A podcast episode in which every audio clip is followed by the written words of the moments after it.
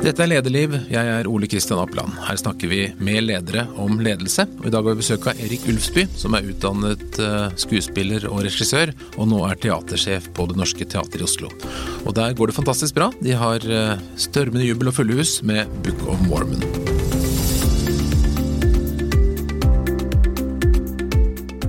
Erik Ulfsby, hjertelig velkommen til Leierliv. Hvordan står det til med deg? Ja, takk for det. Det var framifrå nynorsk. Jau.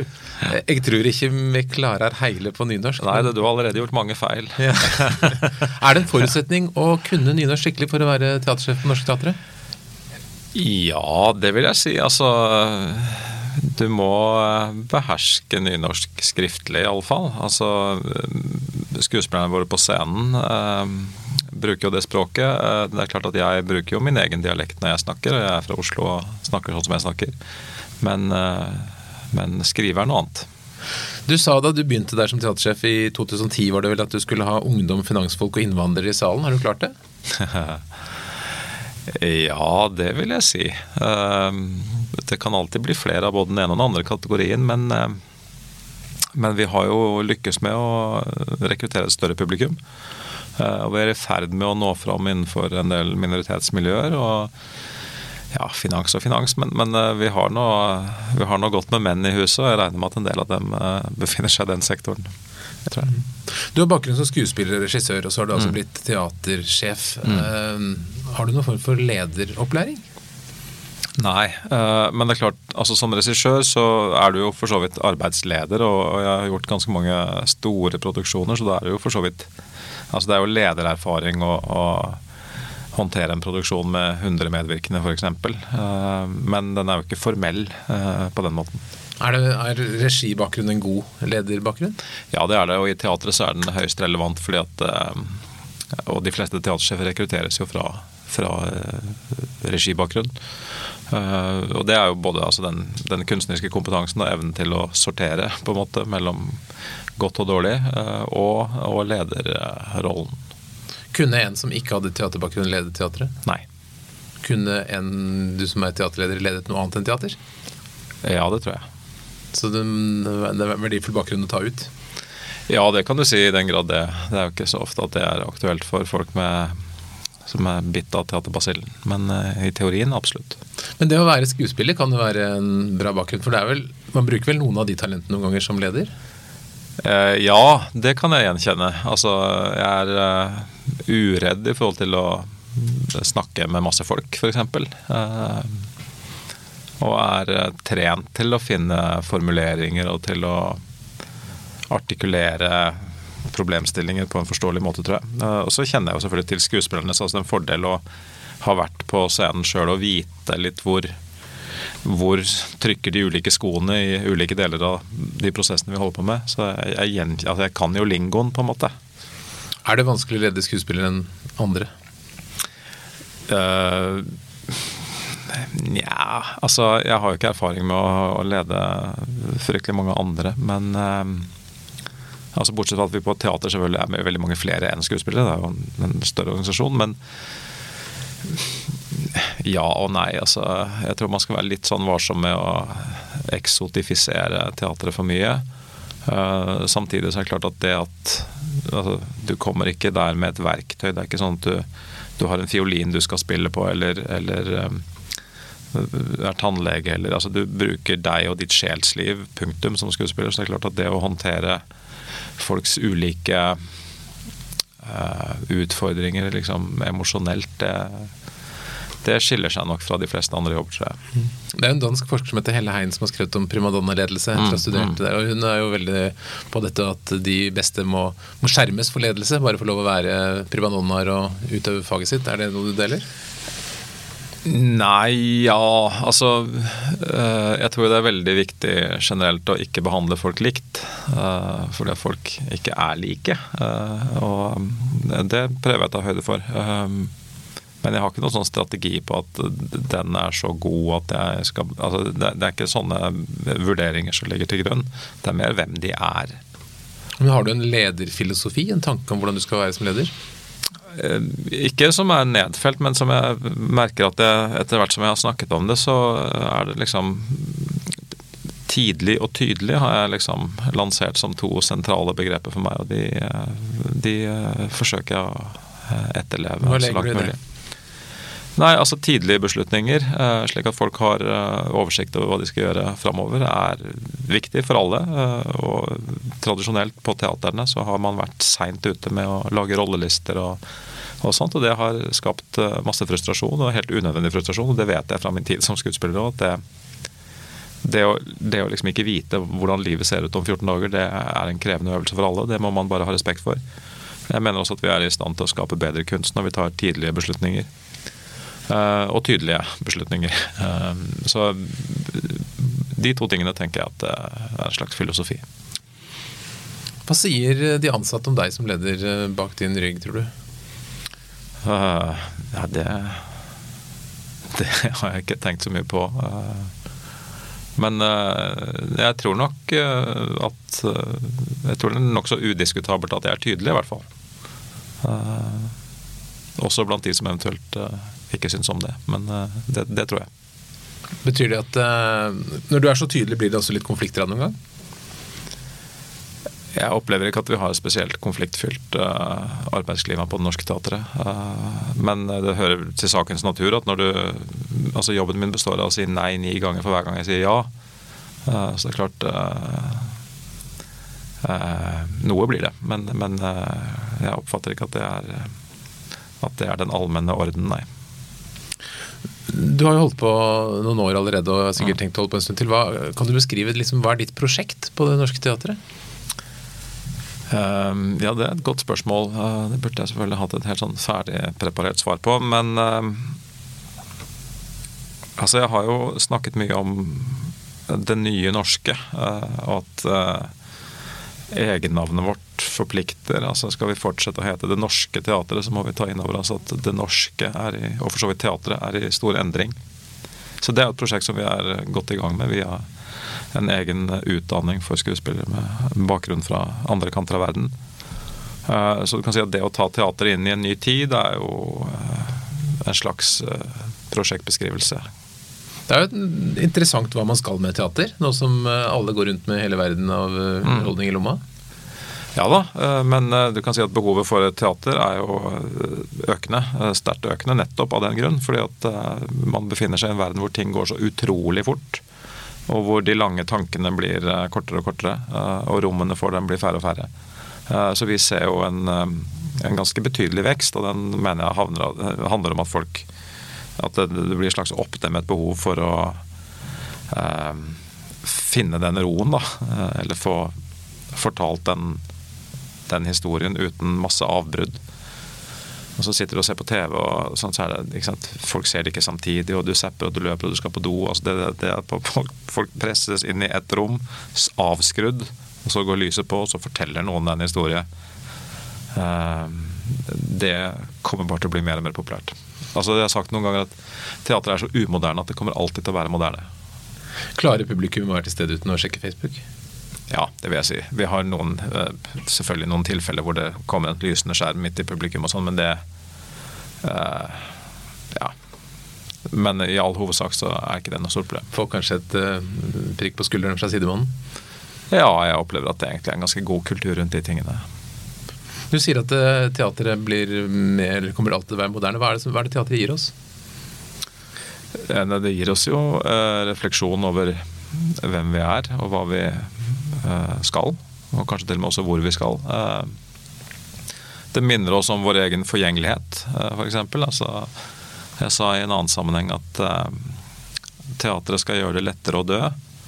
Og med det så mener jeg at det kan være på sitt beste et bidrag til at man forsones med sin egen forgjengelighet, f.eks. For eksempel.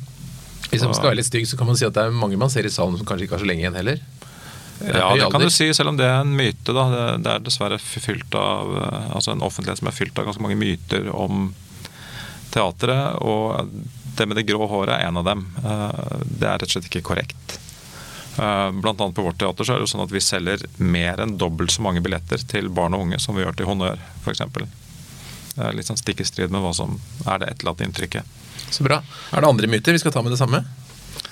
Å ja, det er fullt av myter. Uh, altså, da er jeg inne på politikk, liksom. Altså, det er klart at uh, en sånn reprodusert myte uh, fra nåværende politiske flertallet er jo bl.a. at det såkalte Kulturløftet pøste penger inn i kulturlivet. Tja, altså under Kulturløftet så fikk teaterne kompensert lønns- og prisveksten. Det er noe annet enn at det ble pøst penger inn i Så du føler ikke at det vasser i penger? Nei, absolutt ikke. Nå er jo situasjonen at teaterne hvert år eh, blir underkompensert i forhold til lønns- og prisveksten. så Det betyr at du må eh, finne noen millioner hvert år et annet sted. og det er klart, eh, Nå har norske teatre eh, stelt seg godt og, og klart å eh, øke egeninntektene betydelig. Men for andre teatre og andre kulturvirksomheter så betyr det at man hvert eneste år driver og leter etter hvilke folk som må ut porten. Men det er dere ikke alene om, det gjelder jo hele næringslivet overalt. Så det er vel kanskje rom for å effektivisere, digitalisere, rasjonalisere noe hos dere òg? Ja, absolutt, og det har vært gjort og gjøres også. Eh, men så er det det at det ikke, altså, driver du et symfoniorkester, så kan du gjerne effektivisere ved å ta bort en bratsj, men det er ikke sikkert at du da oppfyller oppdraget. Mm. Så myten om grått hår legger vi vekk. Myten om pøsing av penger, er det flere? ja, det er mange, men jeg Myten om et utsvevende skuespillerliv med rødvin til lunsj og tjo og hei, ja. hvordan er det med den? Nei, den, eh, den, er nok også en myte. Eh, det er 30 år siden det ble solgt alkohol i kantinene på teatret. Eh, og det er Altså at folk går på pub etter forestilling, det er ingen myte. Det er, det er riktig, men det er jo ikke så unormalt av folk som avslutter arbeidet klokka 11. Men at det foregår i arbeidstiden, det, altså, det finnes selvfølgelig et annet tilfelle, men, men det er ikke ikke utbredt. Når har du følt at du er en skikkelig god leder? Tja øh, Nei, altså jeg, jeg, blir jo veldig eh, stolt av hele huset når, når teatret omtales i veldig positive ordelag. Enten i form av kunstnerisk anerkjennelse som en forestilling kan gi, eller, eller i form av anerkjennelse av Eh, teaterets posisjon i, i, offentligheten eller av arbeidsmiljø eller av andre sånne ting. Da tenker jeg at jeg og flere med meg har eh, gjort noe riktig. Og når er du ikke så flink? Nei, Det er når det motsatte er tilfellet, f.eks. Altså, det er klart at når vi ikke lykkes med en forestilling, eh, enten at den eh, overhodet ikke er vellykket kunstnerisk, eller at det absolutt ikke kommer folk å se på, så eh, kjenner jeg selvfølgelig at det eh, ansvaret er til syvende og sist mitt. Men der er det vel en balansegang hvor, hvor på en måte populistisk og tabloid du skal være for å selge billetter? Ja da, Nei, og vi har mange forestillinger som, som, vi er veldig stolte av, som ikke selger veldig mye billetter, men som vi spiller likevel. Men du kan si at hvis man ikke lykkes kunstnerisk, øh, og det ikke kommer folk, så, så, må du bare erkjenne at det var, ligger en del dårlige valg bak det. Hva er definisjonen på lykke, lykkes kunstnerisk? Er det gode kritikker? Eller? Uh, nei, altså, men du kan si at uh, ikke bare. Vi har hatt masse forestillinger som, som i ettertid omtales som svært vellykkede, som ikke nødvendigvis har fått panegyriske omtaler. Men vi vil alltid møte noen gode altså En god forestilling vil alltid få en og annen god kritikk, det skulle bare mangle. Men, men uh, du sitter med en følelse som sjef og som skuespiller og som instruktør av hvorvidt en forestilling når fram, når over kanten eller ikke. det er ganske tydelig for de fleste. Det er vel ikke noe overdrivelse å si at Book of Mormon er ganske vellykket? Det er ganske vellykket, på målt etter alle mulige parametere. Fortell litt om hvordan det oppleves. Hvordan føles det? Nei, det jo, Vi går jo og klyper oss litt i armen. Det, altså, vi er jo veldig oppmerksom på at dette, dette kommer ikke til å inntreffe veldig ofte. Så eh, nei, altså den er, den er, altså En ting er at det er på en måte massivt publikumsoppmøte, uh, men den er uh, så god, så stram, så vellykka. Uh, også som relevant innlegg i en viktig samfunnsdebatt. Så den, det er uh, innertier. Men hvor mye skyldes da på å si manus, og hvor mye skyldes dere? Manuset er jo helt strålende. Så skyldes det jo også i den forstand at altså, rettighetshaverne har ønsket at det er vi som skal gjøre det, basert på deres kjennskap til teatret. Og så er jo vi da heldigvis så godt skodd at vi er i stand til å velge utøvere som klarer å løfte dette opp på, på det ekstremt høye nivået. Eh, så det har jo med oss å gjøre, selvfølgelig. For de som ikke kjenner teater så godt, beskriv litt hvor mange, altså Hvem er det som er med å lage restaurantshowet? Skuespillere, helt åpenbart, men hvilke andre fagfunksjoner? Hvor mange mennesker? Tenker du på Book of Mormon? For eksempel, ja. Uh, ja, altså det står Bare for å begynne der, på scenen så står det 22 skuespillere, og så sitter det ni musikere i grava, så da har du litt over 30 der. Uh, og så har du jo alle våre verksteder som har jobbet uh, mye med dette her, og da snakker vi om en ja, 40-50 mennesker der, tenker jeg. Alt fra systuer til snekker og smie og rekvisittmakeri og alt. Og så har du en sceneavdeling som håndterer alt nede på scenen, inn og ut og opp og ned, som fort kan være en 10-12-14 mennesker. Eh, og så har du sufflører og inspisenter og Jeg tror nok eh, sånn samlet sett også hele kommunikasjon og markedet rundt det. Så eh, godt over 100 mennesker i alle fall.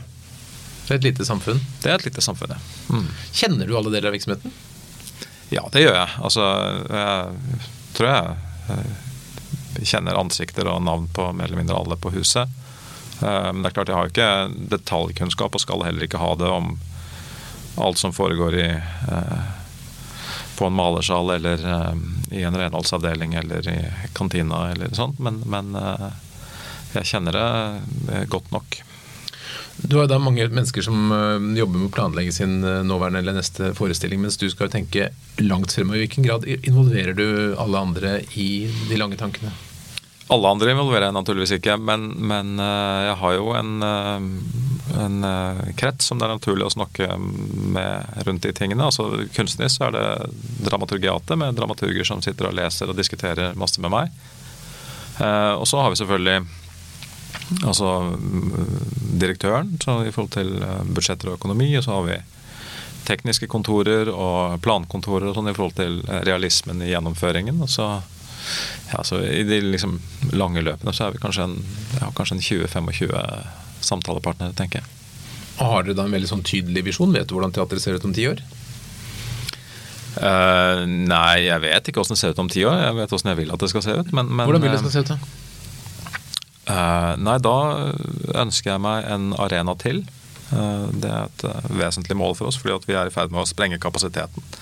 Så det betyr at det er ikke så realistisk å se for seg veldig mye større egeninntekter innenfor det huset vi har nå. Da måtte man i så fall si, lagt om til et kommersielt repertoar, eh, som igjen kunne sette statstilskuddet i fare, så det ville være veldig dumt. Så vi trenger flere seter, så, så jeg har en ambisjon om at vi om uh, ti år har en uh, ny scene, uh, kanskje på taket, for. Uh, og så ønsker jeg at teaterets plass i offentligheten er enda tydeligere. at man i veldig høy grad er en, en arena som bringer liksom sentrale debatter til torgs. Og at vi har et, eh, et stort og omfattende repertoar for et stort publikum. Hva skal til for å få teatret liksom til å bli mer viktigere i samfunnet, som du beskriver? Nei, det er jo hele tiden å forsøke å, finne materiale som uh, enten bidrar til en vesentlig debatt, eller, uh, eller setter den. Uh, og vi har jo hatt en slags profil, eller er blitt, det er blitt en slags uh, overbygning for oss å diskutere de store spørsmålene. Altså jeg syns big talk er mye mer interessant enn small talk på teatret. Altså, så vi har hatt alt fra store religiøse dilemmaer til uh, store menneskelige eksistensielle dilemmaer. Altså løsrive teatret litt fra sånn realisme og sånn uh, over kjøkkenbenken og stå og hakke grønnsaker-teater, til mer større spørsmål. da. Og det tror jeg er vellykka, fordi at sånn Eh, kjøkkenrealisme, det, det tar TV og film seg av på en grei måte. Så du ønsker at eh, dette skal, et, et, et besøk i teatret skal være liksom noe som røsker litt i folk? Ja, og som i hvert fall åpner opp for en del debatter om, eh, om, ting du kanskje ikke rekker å bruke så mye tid på å diskutere, verken med deg selv eller andre ellers. Det Fins det noen oversikt over hvor mange som faktisk går altså Jeg vet at det er besøkstall, men de fleste går vel aldri på teater? Uh, nei, det tror jeg ikke riktig. Jeg tror de flere, altså, det kommer an på innenfor et, hvilket tidsrom du snakker om. Altså I løpet av en måned så går nok ikke de fleste på teater. Men i løpet av, jeg tror jeg har sett en undersøkelse som sier at i løpet av de siste treårsperiodene så er det noe sånn som 70-80% som har vært på teater. Uh, men så er det definisjonen av teater. Er det, er det standup på latter? Er det altså, mm. amatørteater? Er det, mm. Men eh, jeg opplever jo at teaterbesøket er eh, høyt og stabilt eh, i Norge, og til og med litt økende. Og det er ganske imponerende i en tid hvor så mange roper ut på torget om andre tilbud. Du følger sikkert med på teaterverdenen rundt omkring. Mm. Hvordan er liksom de store trendene i bransjen? Nei, Det er ikke noe tvil om at det i, i Europa, da, som, er, som, er, nærliggende for oss å forholde oss til, stort sett, uh, har vært uh, tøffe tak med kulturbudsjetter som er uh, barbert, i hvert fall i den vestlige delen av Europa. et paradoks, tankekors, syns jeg, er altså i Norge har det vært en sånn diskusjon om 1% til kultur, 1 av statsbudsjettet. Eh, og som et sånn, litt sånn nærmest utopisk nirvana-mål i det fjerne. Men vi var i Estland, en, norske, en gjeng norske teaterledere nå, og lille Estland, som jo ikke har færre utfordringer på andre samfunnsområder enn Norge, verken forsvarspolitisk eller på annen måte, de velger å bruke 2,2 Uh, og det er interessant, for da tenker jeg at da ser de på kulturbudsjettet som noe mer enn en bare kultur. Da ser de det også som forsvar, f.eks. Eller de ser det som uh, integrering, eller de ser det som uh, utdanning, eller Altså du krysser budsjettene på en måte. Så der tenker jeg vi har litt å gå på i Norge, for at det blir så veldig sånn sektorlåst. Uh, mens jeg har jo sagt ved noen anledninger at jeg mener at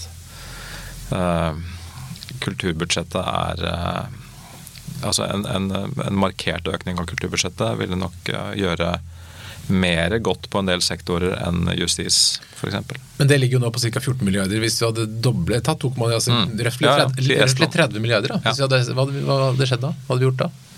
Hva ville du gjort hvis du kunne bestemt?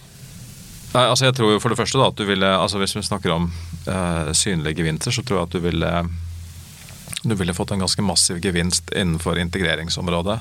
Ehm, jeg tror det var en som sa litt sånn tabloid at det sitter veldig få klarinettister i norske fengsler. Uh, og Det tror jeg det er, et, uh, er noe i. Uh, det er klart hvis man får en Sitter vel også få fengselsfulle på Norsk teater, antagelig? ja, det kan være.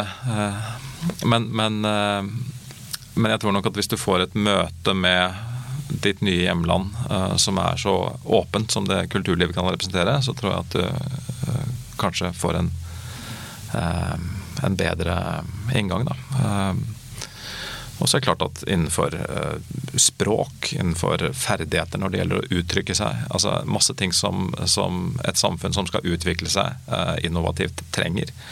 Altså Vi er jo i ferd med å pådra oss eh, språkproblemer som bl.a. kulturlivet kunne skjerpe opp. I tillegg til at det selvfølgelig ville fått et kvalitativt heftig løft.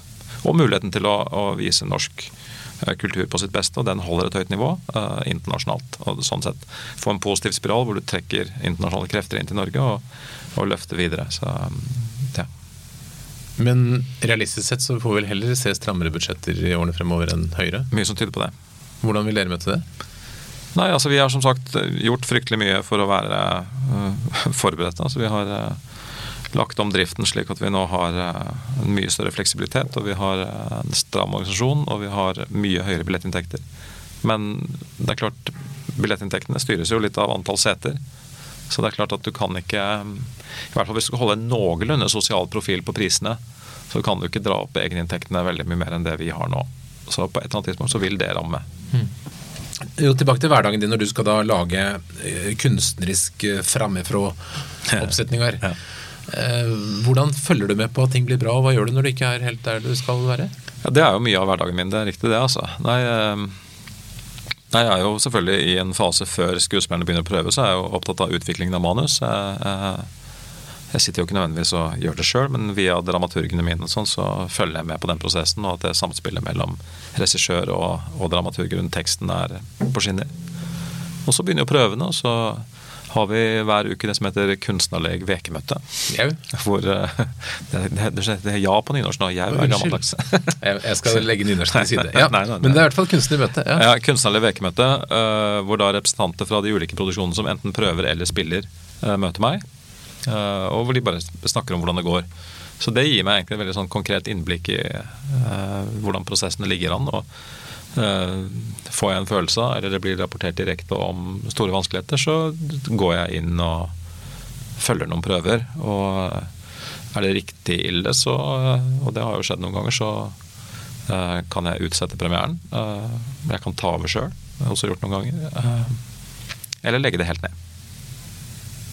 Det må være en ganske vanskelig beslutning, det å avslutte noe eller gå inn og ta det selv? Ja, det er det. Det er noe av det vanskeligste jeg gjør. Men uh, noen ganger er det nødvendig. Hvordan blir reaksjonene på det?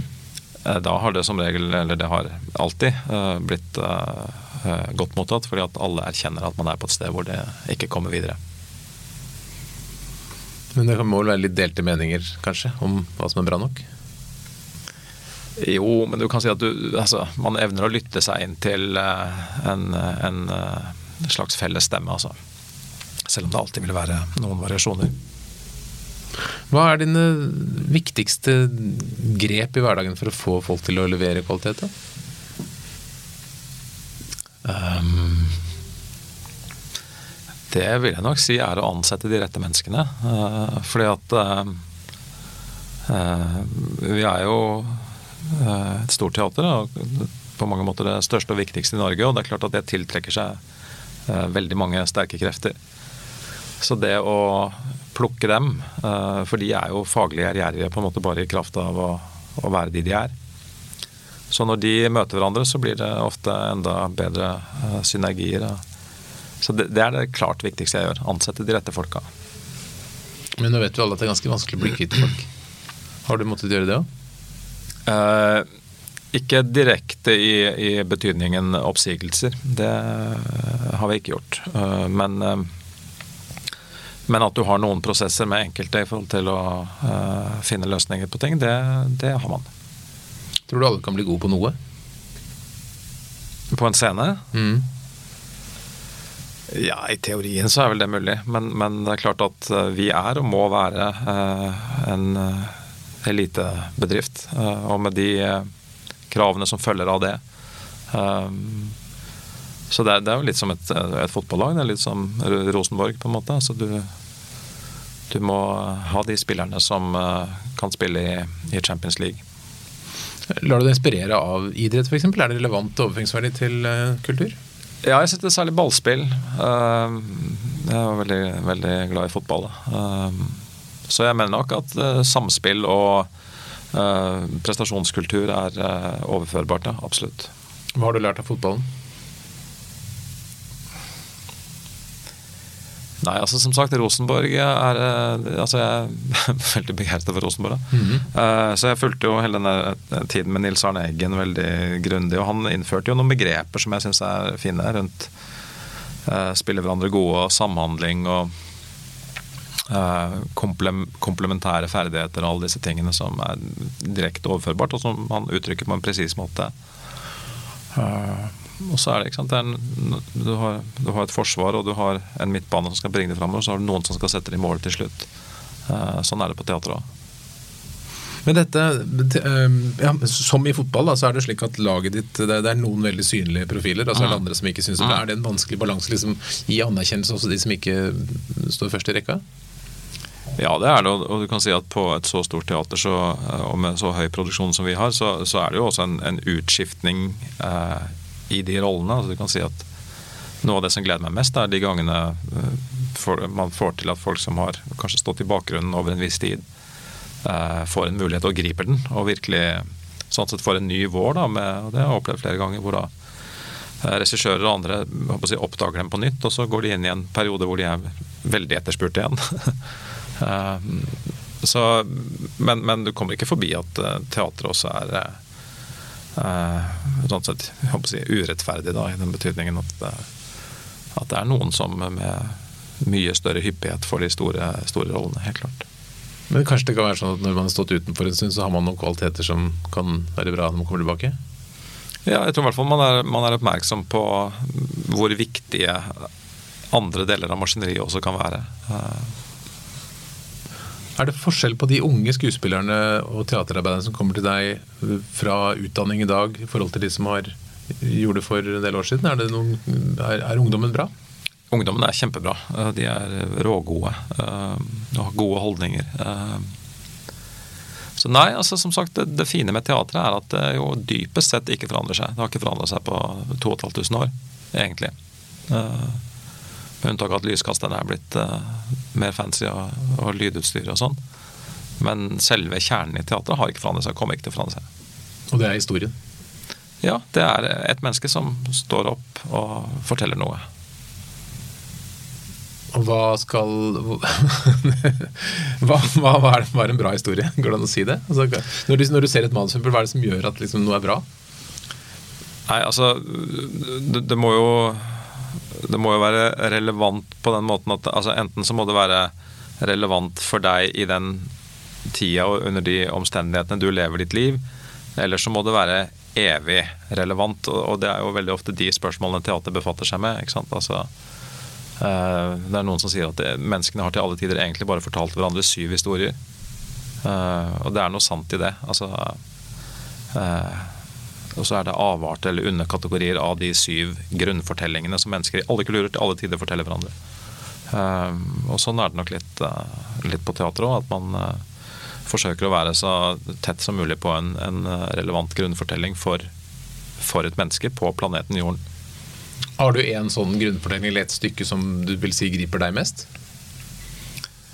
Uh, nei, det vil jeg si at varierer litt. Men, men uh, altså en, en, grunnfortelling er jo menneskenes forhold til uh, Gud, eller, eller, det evige, eller det ubegripelige, eller hva man skal kalle det. Den fortellingen blir jo aldri Det er ikke sånn at den Nei, i 2030 så er vi ikke opptatt av den liksom. Altså, det kommer ikke til å skje. Det har aldri skjedd. Det kommer ikke til å skje. Menneskets forhold til at Altså sin egen forgjengelighet, det at man skal dø, det kommer aldri til å bli uaktuelt å snakke om. Uh, kjærligheten, altså Romeo og Julie, den forbudte kjærlighet altså, det, kommer aldri til å bli uaktuelle fortellinger. Uh, teatret befatter seg stort sett med, med alle de der. De fleste ledere, sikkert også du, opplever jo at eh, dagene fort fyller seg opp. Mm. Eh, man har tette avtalebøker og masse man skal gjøre. Sånn. Samtidig så skal du skape kunst, du skal ta de store spørsmålene, du skal reflektere. Hvordan, hvordan balanserer du det? Nei, det blir tett, altså. Det gjør det. Jeg driver og leker med tanken om at jeg skal uh, bruke én dag i uken ut av huset. Uh, enten hjemme eller et annet sted. Eh, jeg har bare ikke, jeg har bare ikke fått det til ennå, men jeg, jeg, har det som en visjon. Det er interessant. For, for da får jeg gjort mer. skjønner du. Ja, men er, Hvorfor er det sånn? For det tror alle ledere drømmer om. Hvorfor klarer vi det ikke? Nei, det er et godt spørsmål. Jeg, jeg har som ambisjon å klare det nå, altså. Eh, over nyttår. men nyttårsforsett. Eh, for paradokset er altså jeg, I høsten for to år siden så satte jeg opp en forestilling i Hannover i Tyskland. Som, noe som jeg tidligere hadde gjort på Norsk Teatret. Og Da tenkte jeg liksom i utgangspunktet at det ville bli veldig vanskelig både for teatret og meg at jeg var borte i sju uker. Men så opplevde jeg egentlig at jeg aldri fikk gjort Jeg var aldri så effektiv teatersjef som da. For da hadde jeg bare de fire-fem timene på prøver der nede, og ellers så var jeg jo aleine og hadde ingenting. Så jeg satt jo ved den der PC-en og jeg leste jo i et hakk Jeg har aldri lest så mange manus, aldri svart på så mange mail som i den perioden. Og det er klart, altså, På teatret så blir du ofte caught in traffic. ikke sant? Du, noe, og, 'Hvordan går det med det?' Å, 'Sier du det?' 'Nei, bli med inn her, skal jeg se altså, det? Alt det der som plutselig blir hele dagen. Um, så ja, nei, nyttårsforsett. Hvis du skulle møte en uh, ung person som sier at jeg har som ambisjon å bli en superbra leder, kunstnerisk leder på et teater, hvilke råd ville du gitt da? Ja, det nytter for så vidt ikke å ha den ambisjonen uh, altså uten uten teaterbakgrunnen. Altså, du, du, må, du, må, nok begynne med å ha produsert noe relevant kunstnerisk. Eh, du vil, ikke, altså, du vil kunne nå fram i en direktørposisjon, men ikke i en teatersjefposisjon uten at du har eh, bred kunstnerisk tillit. Eh, og den må du jo opparbeide gjennom kunstnerisk arbeid.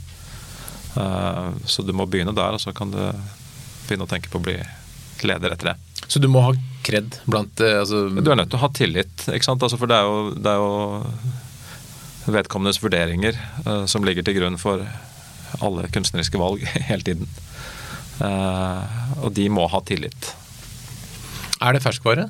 Altså, du, Tilliten? Ja, Må du oppdatere hele tiden, eller har du den? Ja, altså, Det er nok uh, absolutt mulig å skusle den bort. det vil jeg tro. Men, men jeg opplever at jeg har den. Det opplever jeg absolutt. at den er nokså tjukt smurt liksom i bånn. Eh, men eh, det er mulig å rote bort det meste. Når folk eh, har vært en kveld og brukt tid og penger på Norsk Teatret, hva ønsker du at de skal føle når de går ut de fine dørene deres? I alle fall et uh, lyst til å komme tilbake. Uh, og så håper vi jo at vi kan starte noen diskusjoner, da. Uh, at, at de tar seg tid til å diskutere noen av de evige problemstillingene som jeg trakk opp, f.eks. Og at man litt, altså at det er litt innholdsfokusert. At man kommer bort fra sånn ja, jeg syns den og den var kjempegod, men han var ikke så god. Altså, de mer sånn overflatiske diskusjonene, at ikke det liksom altså, Det ligger jo der, det òg, men at ikke det blir det viktigste.